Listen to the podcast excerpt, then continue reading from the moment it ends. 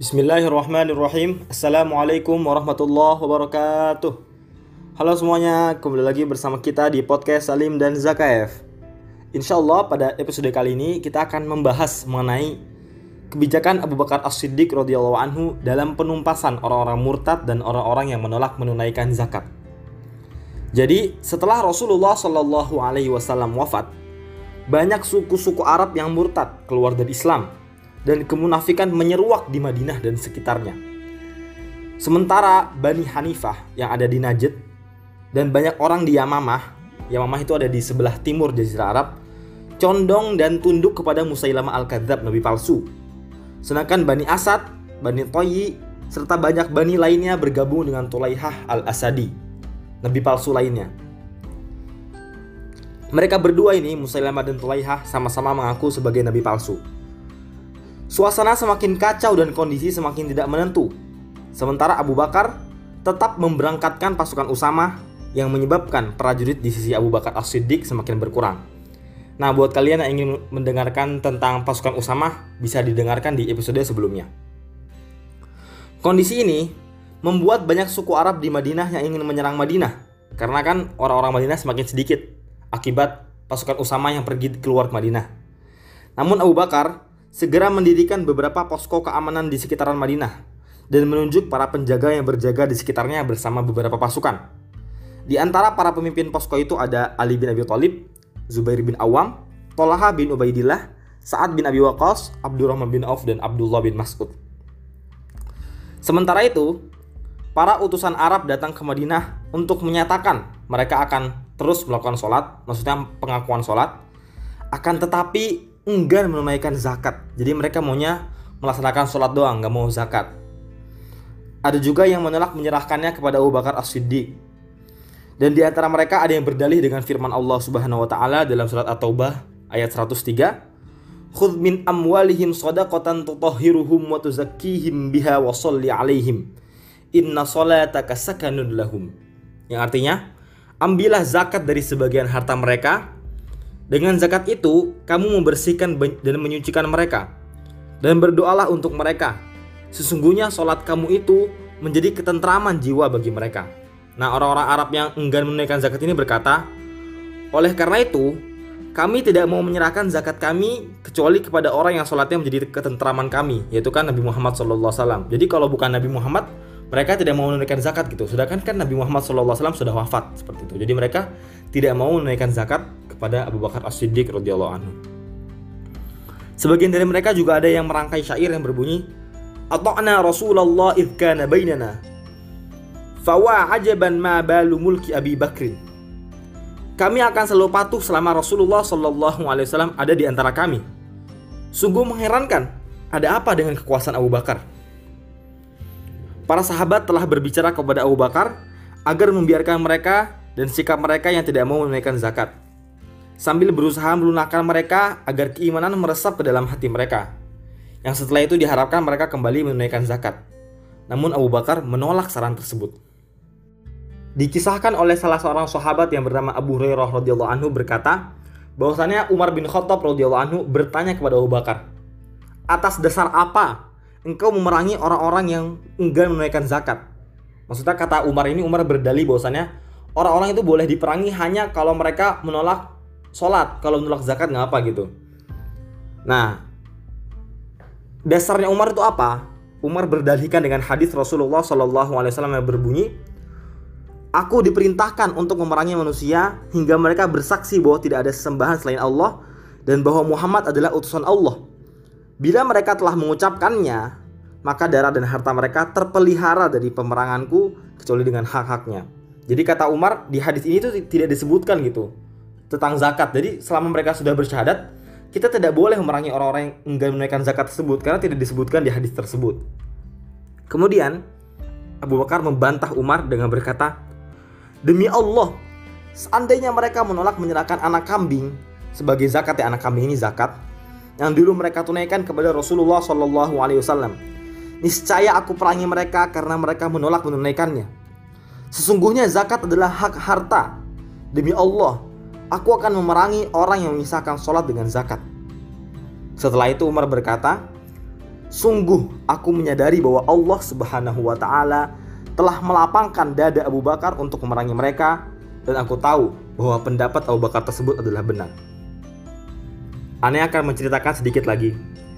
Jadi ketika terjadi kemurtadan, Abu Bakar berdiri di hadapan orang-orang menyampaikan pidato. Seperti ini isi pidatonya. Segala puji bagi Allah yang memberikan petunjuk dan mencukupkan, yang telah menganugerahkan nikmat dan mencukupkan. Sesungguhnya Allah mengutus Muhammad SAW dalam kondisi alam yang tercerai berai, sementara Islam dalam keadaan tak asing dan dimusuhi. Tali agama telah lapuk dan telah usang di telan masa, sementara para pemeluknya telah tersesat darinya. Allah telah membenci para ahli kitab. Allah tidak memberikan kebaikan kepada mereka karena kebaikan yang ada pada mereka dan tidak pula memalingkan keburukan dari mereka karena keburukan yang ada pada mereka. Mereka sendiri telah mengubah kitab-kitab mereka. Sementara orang-orang Arab yang buta huruf terhadap Allah tidak menyembahnya dan tidak berdoa kepadanya, maka mereka itu adalah kaum yang paling sulit kehidupannya dan paling sesat agamanya terombang-ambing di bumi tanpa awan yang menaungi. Lalu Allah menyatukan mereka melalui Muhammad Shallallahu Alaihi Wasallam dan menjadikan mereka sebagai umat yang adil, menolong mereka dengan orang-orang yang mengikuti mereka dan menolong mereka atas selain mereka hingga Allah mewafatkan Nabi Muhammad Wasallam. Lalu setan menunggangi sebagian dari mereka sebagai tunggangannya yang Allah turunkan darinya untuk menggiring mereka dan menginginkan kebinasaan mereka. Abu Bakar berkata dengan mengutip firman Allah Subhanahu wa taala, "Wa ma Muhammadun illa rasul qad khalat min qablihi rusul afa imma ta'u qutila qalabtum ala aqabikum wa man yanqalib ala aqibaihi falan yadurrallaha syai'a wa sayajzillahu syakirin." Ya, artinya Muhammad itu tidak lain hanyalah seorang rasul. Sungguh telah berlalu sebelumnya beberapa orang rasul juga. Apakah jika dia wafat atau dibunuh, kamu berbalik ke belakang dengan murtad? Barang siapa yang berbalik ke belakang, maka dia tidak dapat menandakan mudarat kepada Allah sedikit pun. Dan Allah akan memberi balasan kepada orang-orang yang bersyukur. Al-Imran ayat 144. Abu Bakar melanjutkan, Sesungguhnya di sekitar kalian ada orang-orang Arab yang menolak menunaikan zakat kambing dan unta mereka. Padahal itu tidak pernah mereka lakukan di dalam agama mereka dahulu pada masa Rasulullah SAW hidup. Dan mereka dulu tidak pernah sepelit seperti hari ini.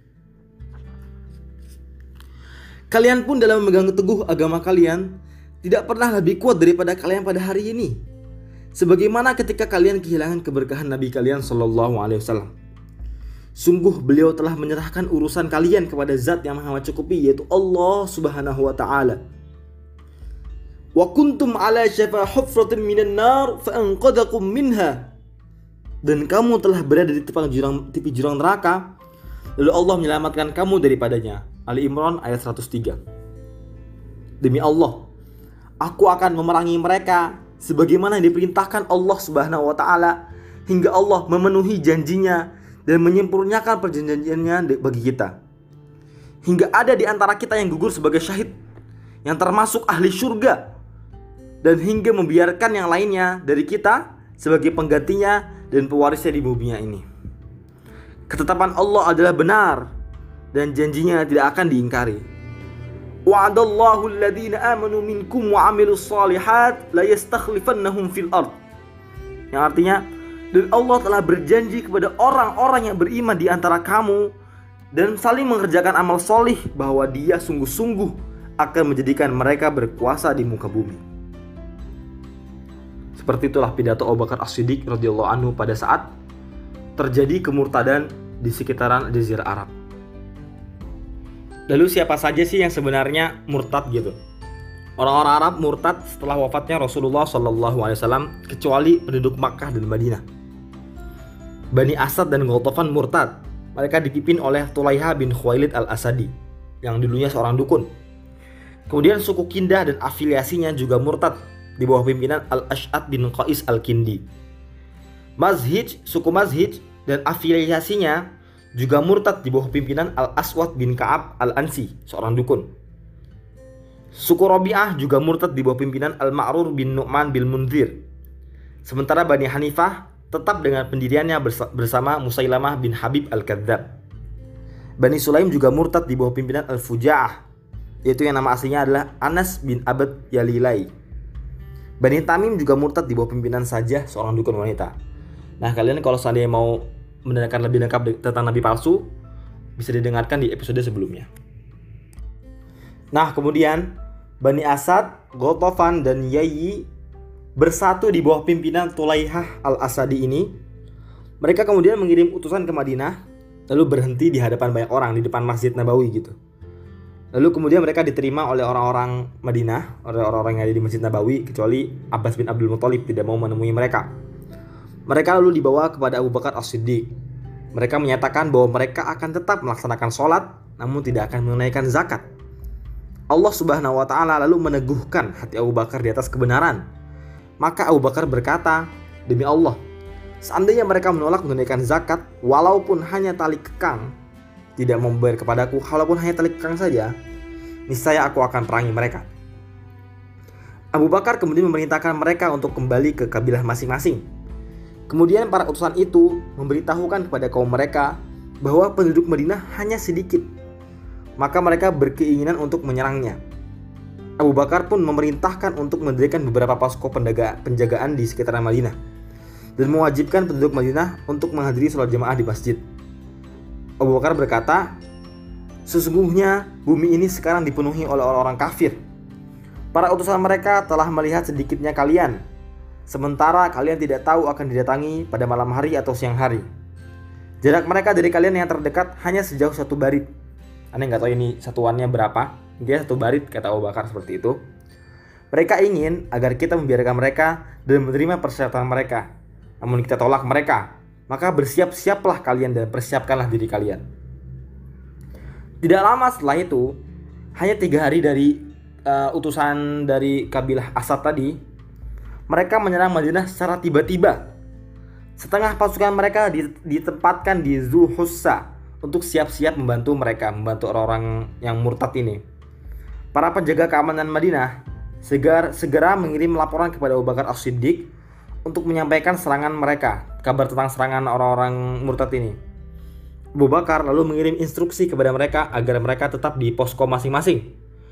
Abu Bakar pun keluar bersama jemaah masjid untuk menyerbu mereka, tentu dengan membawa senjata ya. Maka musuh pun lari tunggang-tunggang. Lalu mereka dikejar oleh kaum muslimin dengan mengendari unta-unta mereka hingga mencapai Duhusa, Lalu pasukan bantuan orang-orang murtad keluar.